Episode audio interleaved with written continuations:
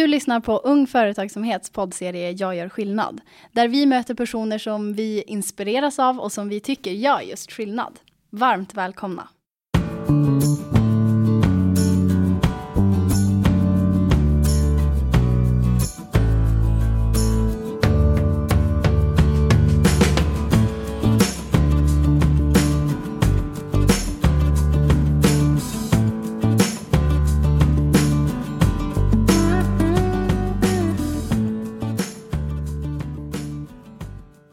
Konsertbesök i Stockholm slutar med att två kompisar reser hem till Västerbotten med en gyllene affärsidé.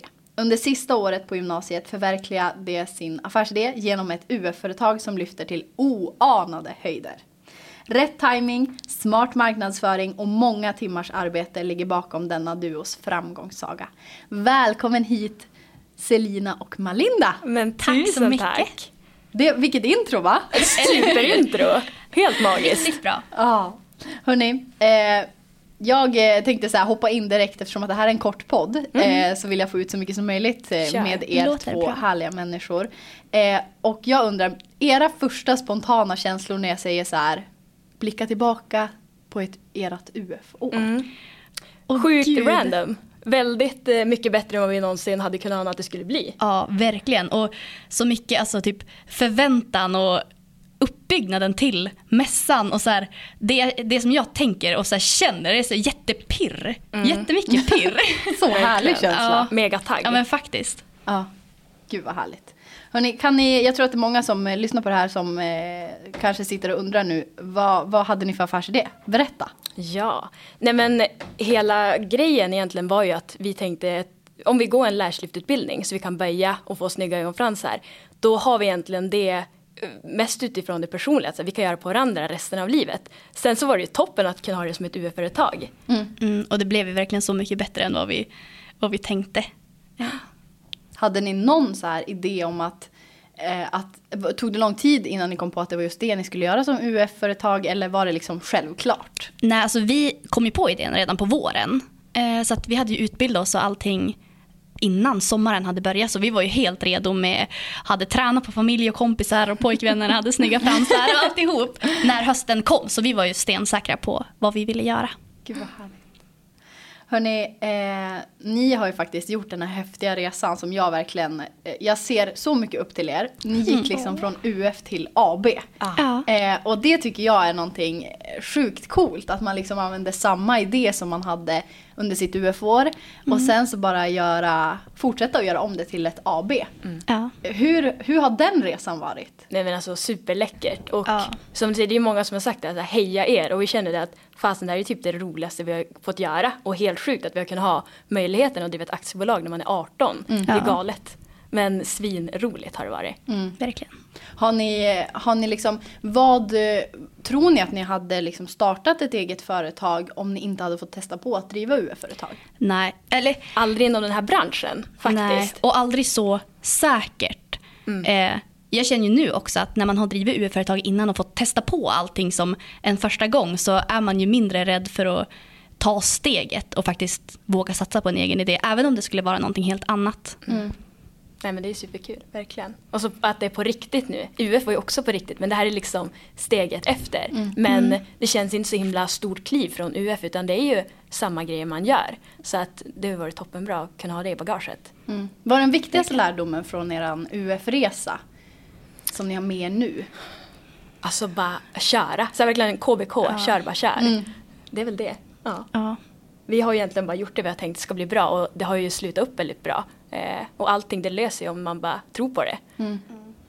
Ja men att våga satsa. Alltså, även om det känns så här, gud kom det här att gå? Men som när vi hade startat aktiebolaget så hade vi andra extrajobb under första sommaren. Som, för att vi visste inte riktigt hur det skulle gå. Eh, och sen så det var ett ganska stort steg att faktiskt säga upp oss från de andra jobben och mm. köra helhjärtat. Oh, Gud, ja. Så att, det måste ja, verkligen så våga häftigt. satsa. Ja, mm. verkligen. Verkligen. Men eh, jag tänker så här, om ni ni är ju liksom förebilder för unga entreprenörer på mm, riktigt. Tack. Och eh, jag vill ju såklart då veta vad era bästa tips är till unga entreprenörer. Mm. Alltså hitta ett bra team som man känner att man kan prata alltså allt om. Så att man inte är typ rädd för varandra eller man inte vågar trampa varandra på tårna utan vi har ju varit jävligt ärliga med varandra och sen har ju vi klickat bra. Alltså det är ju otroligt viktigt. Eh, så har man ett bra team då, men då är det bara att köra. Verkligen. Och verkligen, om man hittar någonting som man brinner för så blir det ju mycket roligare. Eh, om man har någon hobby som man tänker att man skulle kunna göra någon affärsidé av eller så, så är det också enklare att hålla motivationen uppe.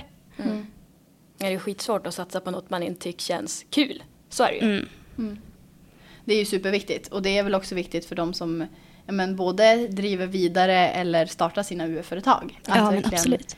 Det är en framgångsfaktor att göra någonting som man faktiskt brinner för. Ja. Exakt. Och eh, vi som eh, står här och ser på eran framgångssaga, vi ser ju också så här, alla, alla som har mött er har ju som samma bild av er, tycker jag att jag får höra. Att roligt. ni är liksom så öppna och härliga och sprudlande.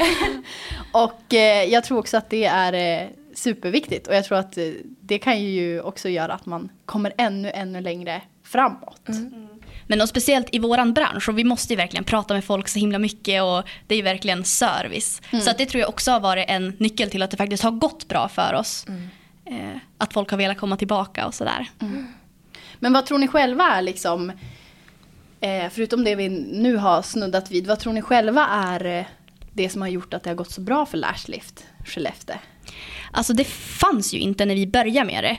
Eh, Så jag tror att det var mycket det här att vi såg den här luckan i marknaden och vi var duktiga på sociala medier direkt med marknadsföringen och sådär.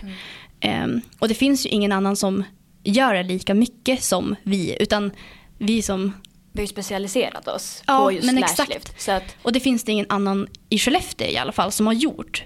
Ehm, Och jag tror att det har gjort att jättemånga har känt sig trygga med att komma till oss också för att vi verkligen vet vad vi gör när vi har gjort det så himla mycket. vi var ju helt rätt i tid. Så att vi fick ju typ de första kunderna i Skellefteå som gjorde lashlift. Och så i en liten stad, vet, då börjar det med att kompisar kommer som berättar för mamma, som berättar på jobb och helt plötsligt så vet hela Skellefteå vart man går och gör lashlift. Ja. Så att astrevligt att vara i en liten stad när det sprids så snabbt. Eh, på den goda vägen såklart.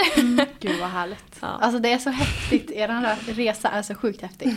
Eh, jag, jag undrar om vi, om vi liksom blickar tillbaka lite grann nu från Lashlift AB till Lashlift UF.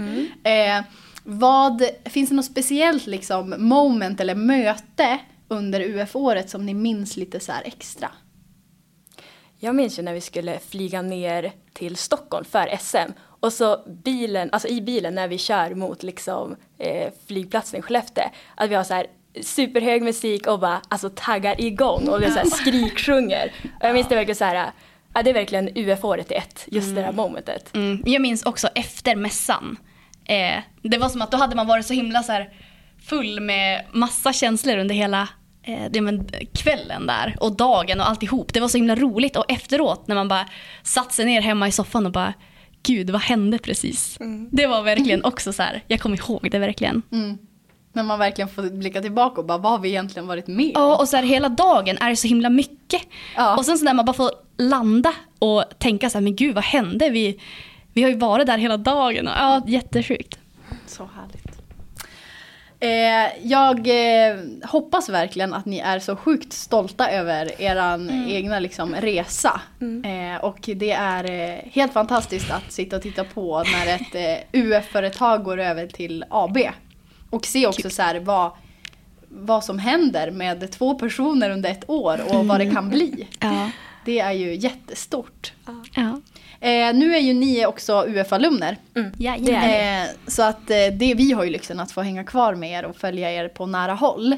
Vad skulle ni säga liksom är, eh, är, är bra med att fortsätta liksom, för jag vet ju att båda ni två är väldigt aktiva med det, men att fortsätta vara kvar i den här bubblan, att eh, liksom omvandla sig, om, omvandla sig, vad säger man? Omringa sig med Ja. personer som liksom ja, men stöttar och peppar och är i samma sits. Men det är jättehärligt. Och så får man ju bara känna typ gemenskap, det är folk som är likasinnade.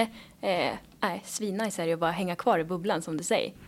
Så att bara positivt, verkligen. Mm. Och med UF-alumni så får man göra så mycket roligt också. Ja, men, vi har ju varit på några så här föreläsningar så som UF-alumni har hållit i och det är jättekul att få som, ja men precis som du säger, att fortsätta att träffa folk som är drivna och man kan som drivas med och peppa varann och sådär.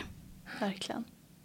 Ja hörni, tusen tack för att jag fick eh, er energi här ett tag nu. eh, det känns ju helt fantastiskt och eh, ja, det ska bli så spännande att se vad, vad ni ska åstadkomma i liksom, framtiden. Det, det känns så ljust. tack så snälla. Tusen tack.